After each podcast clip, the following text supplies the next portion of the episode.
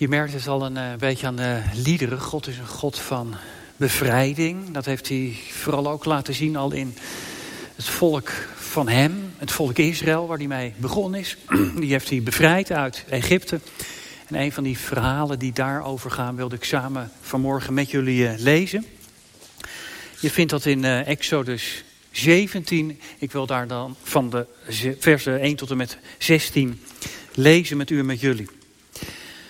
Ze zijn net eh, uit Egypte vertrokken en dan staat er vanuit de woestijn van Sin trok het hele volk van Israël verder, van de ene pleisterplaats naar de andere, volgens de aanwijzingen van de Heer. En toen ze hun tenten opsloegen in Refidim, een wadi is dat, een oase, toen bleek daar geen water te zijn.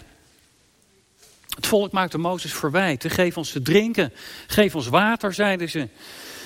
Mozes zei, waarom maakt u mij verwijten? Waarom stelt u de Heer op de proef? Maar omdat het volk daar hevige dorst leed, bleef het klagen. Waarom heeft u ons weggehaald uit Egypte, zei ze tegen Mozes, om ons van de dorst te laten sterven met onze kinderen en ons vee? Mozes riep luid de Heer aan. Wat moet ik met dit volk beginnen? vroeg hij. Er hoeft niet veel meer te gebeuren of ze stenigen mij. De Heer antwoordde Mozes, ga samen met een aantal van de oudsten van Israël voor het volk uit. Neem de staf waarmee je op de Nijl hebt geslagen in je hand en ga op weg. Ik zal jou opwachten op de rots bij de Horeb. Als je op de rots slaat zal er water uitstromen, zodat het volk te drinken heeft. Mozes deed het, bij zijn van de oudsten van Israël. En hij noemde die plaats Massa en Meriba, omdat de Israëlieten Mozes daar verwijten hadden gemaakt. En omdat ze daar de Heer op de proef hadden gesteld door te vragen, is de Heer nou in ons midden of niet? In Refidim werd Israël aangevallen door de Amalekieten. Toen zei Mozes tegen Jozua, kies een aantal mannen uit. Trek met hen tegen Amalek ten strijde. Ik zelf zal morgen op de top van de heuvel gaan staan. Met in mijn hand de staf van God. Jozua deed wat Mozes hem had opgedragen, trok tegen Amalek ten strijde. En Mozes ging naar de top van de heuvel samen met Aaron en Geur. Zolang Mozes zijn armen opgeheven hield, was Israël de sterkste partij, maar liet hij zijn armen zakken, dan was Amalek de sterkste. Toen Mozes' armen zwaar werden, legden Aaron en Geur een steen bij hem neer, zodat hij daarop kon gaan zitten. En zelf gingen zij aan weerszijden van hem staan om zijn armen te ondersteunen. En daardoor konden zijn armen opgeheven blijven totdat de zon onderging. Zo versloeg Jozua het leger van Amalek door de scherpte van het zwaard. De Heer zei tegen Mozes, leg deze overwinning in een oorkonde vast, zodat niemand die ooit zal vergeten. En overtuig Jozua ervan dat ik ervoor zal zorgen dat niets onder de hemel nog aan het volk van Amalek herinnert. Toen bouwde Mozes een altaar. Hij noemde het, de Heer is mijn banier. Mozes zei, voorzeker, de hand op de troon van de Heer. De strijd van de Heer zal tegen Amalek zijn, van generatie op generatie. Zover de lezing van uh, vanmorgen. Straks na de uitleg, uitleg, dan zingen we ook met elkaar over dat we stil mogen zijn voor God, van Hem alles ook in ons gebed mogen verwachten. Toen ik zelf uh, hier nog uh, predikant was in uh, Vathorst, kwam ik wel eens op bezoek bij Anne van der Bijl, de oprichter van Open Doors. Anne zelf die reisde de hele wereld over, koffers mee. Daar zaten geen tandenborstels in, maar daar zaten bijbels in. Gods smokkelaar werd hij genoemd. Nou, je weet een koffer, die kan een dubbele bodem hebben. Als je hem open doet, dan denk je dat je ziet wat erin zit, maar er zit nog veel meer in. Ons leven heeft ook een dubbele bodem. En ik merk vaak dat veel mensen niet meer zien en niet meer geloven in een diepere zin van het leven. Dat er meer is dan dat je op het eerste gezicht zo zou zeggen en zien. En als inderdaad het leven geen dubbele bodem heeft, als dit nou alles is wat ik ervan zie, dan ja, raak je er ook zomaar op uitgekeken. Dan slaat ook zomaar de verveling toe. En straks, ja, straks is dan alles ook afgelopen. Perspectief ontbreekt dan vaak. Nou, dat er zich een hemel welft boven de aarde met een God als hemelse vader. Dat er meer is dan wat je kan zien in de Bijbel, wordt die boodschap als een bevrijdende gedachte aangereikt. En met name in het hoofdstuk dat ik net las uit het eerste deel van de Bijbel. Denk nou niet dat kan nooit wat worden, want het verhaal van 1500 jaar voor onze jaartelling, de wereld is veranderd, de mensen zijn veranderd, de culturen zijn veranderd, alles is veranderd. Wat zouden wij nou moeten met een verhaal van 1500 jaar voor Christus? Nou, je hoorde dat misschien, maar aan het slot staat, de Heer zei tegen Mozes, leg die overwinning in een oorkonde vast, zodat niemand die ooit zal vergeten. Met andere woorden, wat hier gebeurd is, dat moet doorverteld worden. Dat is een waarheid waar de mensen zolang als de wereld bestaat wat aan zullen hebben. Nou, het begin van de geschiedenis is verbazingwekkend. Want wat staat er aan het begin? Toen kwam Israël in Refidim en daar bleek geen water te zijn. Nou, dat kan niet. Refidim, dat is de grote vallei in, uh, in Israël, de Wadi Firan. Vol van waterbronnen is het daar. Uh, bomen, tientallen kilometers lang is het ook. Duizenden stuks vee kunnen, kunnen daar met gemak grazen. De beroemde Wadi Firan, de parel van de Sinaï. En dat de Israëlieten daar dus komen en dat ze daar geen water vinden, dat, ja, dat bestaat niet. Dat, het zat daar stikvol met bronnen. Wat moet er aan de hand geweest zijn daar in die vallei? Daar zaten de Amalekieten. Die woonden, moet je weten, elders. Maar dat waren herders die op zoek waren naar, ja, naar groene weiden. En die daar natuurlijk in de Wadi Firan een uh, geweldige plekken gevonden hadden natuurlijk voor hun kuddes. Nou, die zitten daar heerlijk, die Amalekieten. En die zijn niet van plan om voorlopig ergens anders heen te gaan. Maar wat gebeurt er op zekere dag? Stofwolk in de verte. Hé, hey, wat is dat? Ja, daar kwam het volk Israël aan, schokkend door de woestijn Sin, op weg naar de berg Sinai. Zoekend naar water, levensvoorwaarde 1. Daar komen de Israëli's. Nou, geen probleem, die wadi die is zo enorm, daar konden de Israëli's makkelijk nog, nog, nog bij. Toen kwam Israël in Refidim, daar bleek geen water. Nou, de oplossing is helder. De Amalekieten die hebben die bronnen bezet. De, de, de Amalekieten die hebben gezegd, wij waren het eerst en, jullie horen niet. Nou, dat zit ons nou als mensen echt in de. Zo zijn wij mensen nou. Nou, je hebt het notabene al zelf als je op vakantie gaat. Toch? Hè, zomervakantie. Druk op de camping. En wat vraag je aan je kinderen?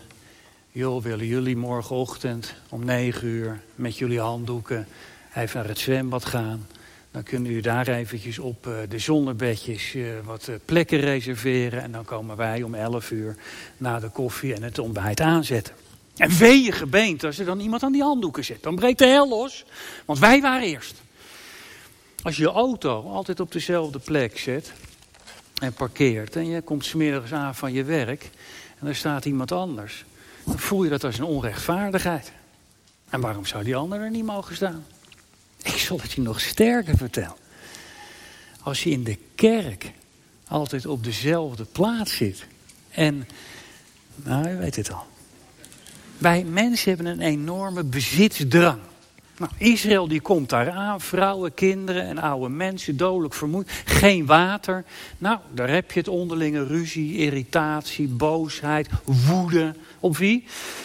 Ja, wie zou je nou anders kwaad worden dan op God? Want dat is de hoogste instantie waar je dan bij terecht kunt. Waarom heeft God ons en de vertegenwoordigers van God, dat zijn Mozes en Aaron en zwager van Mozes, Geur, en ze stonden op het punt om hen te stenigen staat. Nou, dan grijpt God in. Geen water, pak maar die staf, uh, Mozes, sla maar op die rots. Mozes doet het en Gods volk wordt gered. Water uit de rots, voor de zoveelste keer gered. Nou, heerlijk zou je zeggen, uitgerust kunnen ze verder. Ja, dat hadden ze gedacht. Want nu blijkt waarom die Amalekieten die bron hebben bezet. Ze hebben gedacht, als wij die bron hier bezetten, dan sterft heel dat zaakje eruit. En die spullen, die, eh, die zijn voor ons. Maar nu die Israëli's die waterader hebben ontdekt, nu zien ze de buiten ontsnappen en vallen ze, vallen ze aan. Dat doen ze op de meest laffe manier. Aan het slot zegt Mozes, dat, dat doet hij veel later, dan zegt hij: Denk nog eens aan wat Amalek jullie heeft gedaan. hoe zij onderweg al de zwakken in uw achterhoede afsneden. Laffe helden. Al de zwakken in uw achterhoede afsneden. Zo is het dus gegaan. Dan kun je zeggen, ja wie doet dat nou ook? Eh, al die zwakkelingen achteraan in de achterhoede. Niet handig inderdaad. Maar ja, waar moeten die Israëlieten die, die wijsheid vandaan halen? Die hadden afgelopen 400 jaar niks anders gedaan dan alleen maar piramides gebouwd in Egypte. En dat konden ze zo goed dat ze er nu nog staan. Maar vechten, ja, dat konden ze niet. Amalek die, die sneed de achterhoede af. Vrouwen, kinderen en het vee en oude mensen. En woedend, woedend besluit Israël dan ook tot de strijd. Mozes die roept een van zijn jonge assistenten bij zich, Joshua. Hij zegt, neem jij de leiding. Zorg dat je morgenochtend klaar staat en dan vallen we aan. Ik ga die heuvel op en ik zal voor jullie bidden. Volgende morgen vroeg neemt hij zijn broer Aaron en zwager Geur mee. En dan staan ze op die heuvel. En dan heeft hij bij zich die staf. Daar, moet je niet gering over denken. Dat was dezelfde staf als waarmee hij naar de farao in Egypte was gegaan. En had gezegd, let my people go. Die, die farao die hem aan alle kanten uitlachte natuurlijk. Die god van jullie. Die, wat heb ik daarmee te maken joh? Wil je maken dat je weg... En Mozes die heeft toen met die staf op de Nijl geslagen. Die werd rood als bloed. En toen dat niks hielp, heeft hij die staf op de grond gegooid. Staf werd een slang. Die staf had hij ook in zijn hand. Toen ze voor de Rode Zee stonden, ze konden geen kant meer op. Toen heeft hij met die staf op het water geslagen. En op dat moment begint die oostenwind toch te waaien. Met zo'n kracht dat er een pad ontstond, waardoor ze verder konden als volk. En nu gaat hij op die heuvel staan daar, Mozes. En hij heft zijn beide handen omhoog met die staf. Weet je wat dat betekent? Er staat niet eens bij wat Mozes gezegd heeft. Maar dat, dat hoeft ook niet. Want het was zo duidelijk. God, oh God, die staf is toch een bewijs dat u het volk Israël, dat dat uw volk is. God, met deze staf heeft u mij toch naar de farao gestuurd. Met deze staf heb ik toch eergisteren nog water gegeven aan uw volk. Heer, laat ze niet omkomen, want daar beneden, daar is het gevecht. En zij, zij zijn veel sterker dan wij, Heer. Wat kunnen wij nou helemaal, Heer, in de woestijn? Heer, als ons, u ons niet helpt, dan, dan zijn we verloren. Dat betekent die stofmacht. Dat betekent. En dat betekent nog meer. Dat betekent ook dit. Heer, als u ons niet zou helpen, dan zou het ook te begrijpen zijn. Want ze hebben mij eergisteren nog willen stenigen, omdat ze u niet te pakken konden krijgen. Daarom willen ze mij stenigen. Ze hebben gezegd, waarom heeft God ons niet bij de vleespotten van, van Egypte laten blijven? Terwijl in datzelfde Egypte hun kinderen in de Nijl werden gegooid en ze vier eeuwen gegezeld zijn. En ze zeggen, daar hadden tenminste vlees en brood. God, we zijn het niet waard dat u naar ons omkijkt. Maar Heer, deze staf, u bent toch met zo'n volk in zee gegaan. U bent toch met zo'n volk onderweg gegaan. Dit volk was u toch niet te min, Heer. God, laat ons ook nu niet in de steek. Dat betekent. Maar daar staat er iets bij en dat, dat is zo enorm diepzinnig. Daar staat, Mozes die werd natuurlijk na een tijdje moe. Hè? Dat was logisch. Ik zou zeggen, probeer dat thuis eens een tijdje met je handen steeds zo omhoog te zijn. Dat is niet te hard op ten duur. En dan zakten zijn handen, maar dan zagen ze vanaf die heuvel wat daar beneden gebeurde. Dan vonden de Amalekieten terrein. Als een staf weer omhoog ging, dan waren de Israëli's weer sterk. Met andere woorden, er is verband tussen die staf omhoog en de strijd van het volk van God. Er was verband tussen dat en dat. En wat is er toen gedaan? Aaron en Geur die sleepten er een steen bij. Mozes, ga zitten jongen. En toen hielden zij zijn armen vast. één aan de linkerkant en één aan de rechterkant. Zodat die armen omhoog bleven. En onafgebroken die staf omhoog. Nee, ik zou zeggen, probeer het eens. Dat, dat hou je niet vol. De handen omhoog. Dat is, nou, misschien voor de ouders nog even een tip. Hè, dat je tegen je kinderen zegt, jullie geen vaat uitruimen. Oké, geen handjes laten wapperen. Goed, prima. Half uur hand in de lucht. Nou, ik zou zeggen, probeer het thuis eens. Er staat dat Mozes tot de avond toe zo heeft gestaan. Die, zijn armen zijn dood geweest. Die zal even rond hebben gesprongen toen hij eindelijk ze weer naar beneden kon doen. Maar hij heeft het gedaan. Hij heeft volgehouden. Samen met anderen. Zouden we daar ook niet een beetje meer aan moeten denken? Zouden wij daar ook niet bij stil moeten staan? Dat geloven en bidden vaak een heel zwaar werk is. En dat we elkaar ook een beetje moeten helpen daarbij. En dat we elkaar niet moeten laten zitten in de ellende. Dat we een eenheid mogen vormen. Een eenheid dat we samen God aanroepen om de redding van deze wereld. Met elkaar. Nou, Mozes laat ons hier zien dat bidden zin heeft. En dat, dat vragen wij ons toch zo vaak af. Heeft bidden eigenlijk wel zin? Is er wel een God in de hemel die naar me luistert? Heeft uh, bidden nou eigenlijk wel enige invloed? En mijn geloof, slaat dat eigenlijk wel ergens op? Is er buiten mijn denkend verstand in mijn schedel wel een werkelijkheid die daar aan, aan, aan beantwoordt? Hoort God wel als hij er al is? En dat, zijn toch vragen waarmee we allemaal zitten, of niet? Natuurlijk. Dan zit jij ook mij net als ik. Van tijd tot tijd zitten we allemaal in de twijfel. Dan kun je niet zien dat het leven een dubbele bodem heeft. Dan denk je dat je alles wat je ziet, dat dat nou het enige is. Dat dat alles is. Een hemel boven ons. Ja, natuurlijk, zeker, zeker. Als het van te zien zijn. Als we dat kunnen zien en meemaken. dat, dat, dat willen we allemaal. Harde bewijzen. Dat willen we.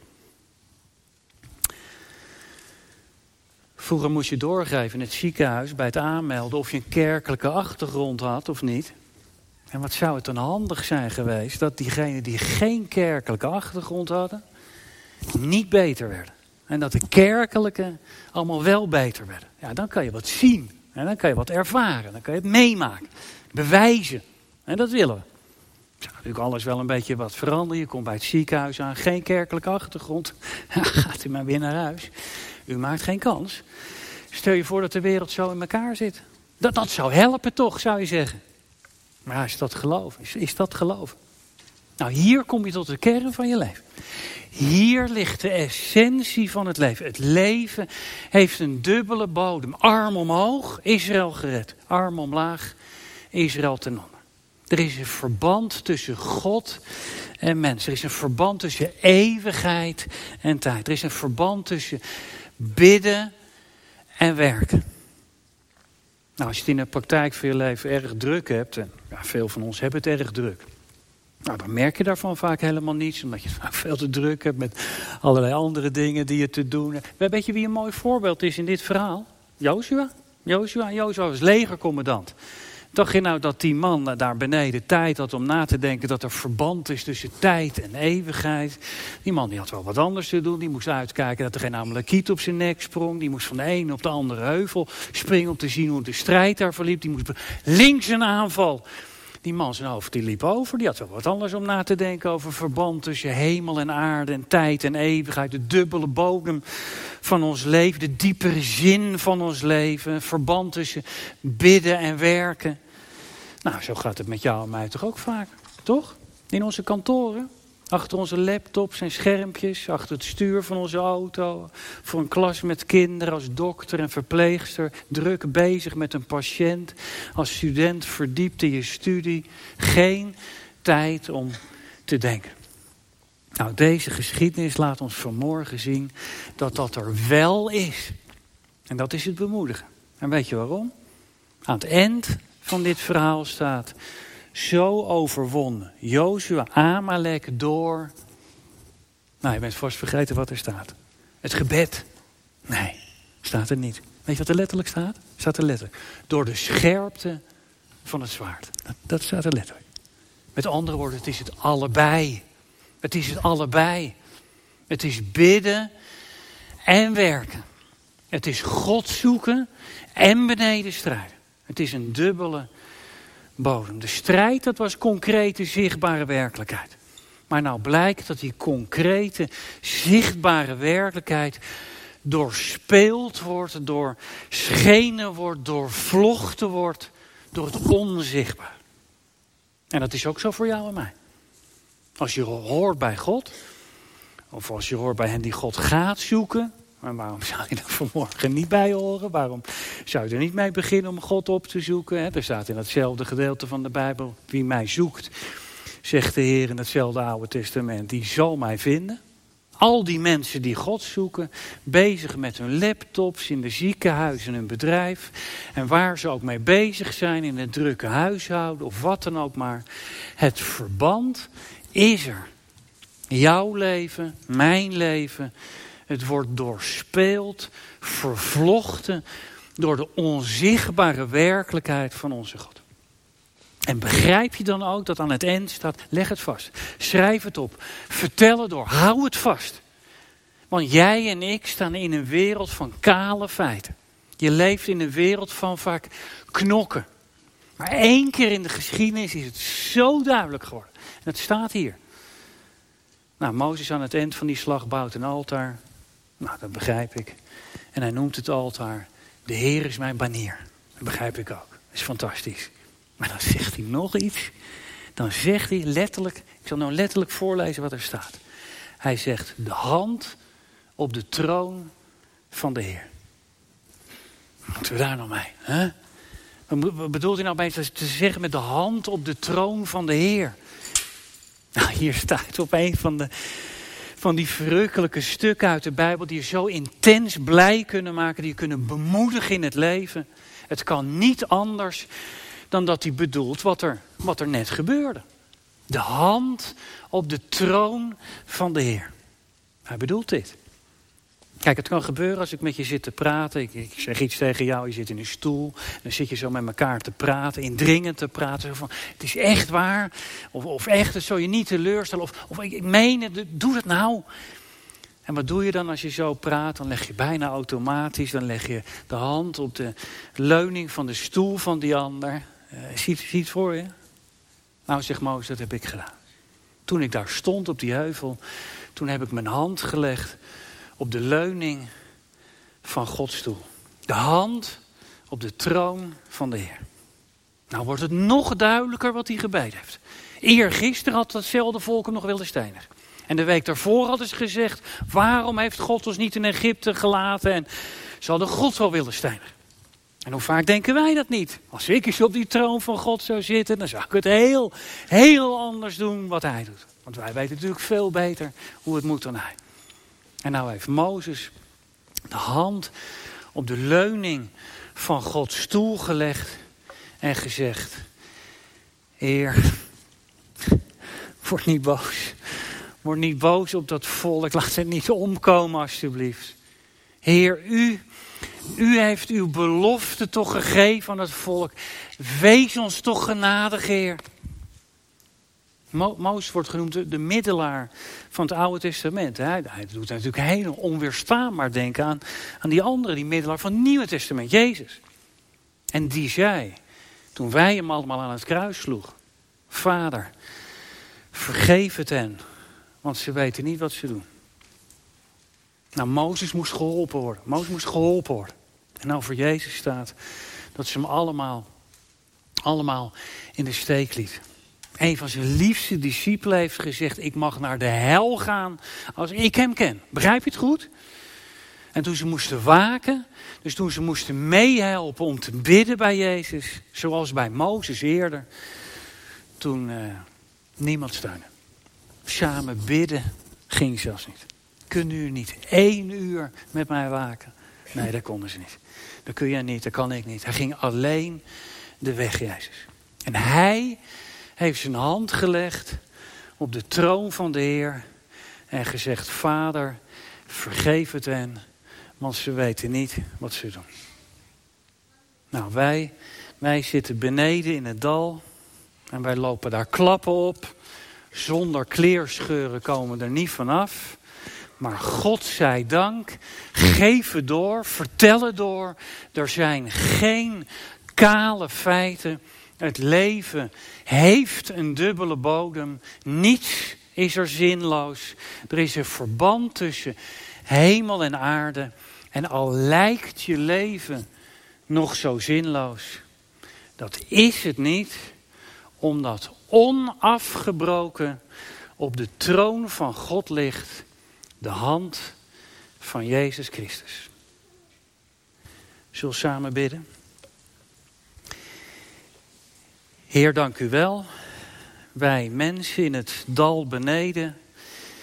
Het is vaak knokken, een strijd in zorgen en drukte van elke dag. Met onze vragen waar u nou bent en doet u er nog wat aan. Wij danken u voor het gebed, voor de antenne omhoog. Dat we samen u mogen zoeken, stil worden, samen bidden, elkaar helpen, elkaar ondersteunen. Waardoor we weten dat we in de strijd er niet alleen voor staan, maar dat u bent onze helper, onze redder, onze vriend. Dat u Jezus Christus bent, de grote overwinnaar.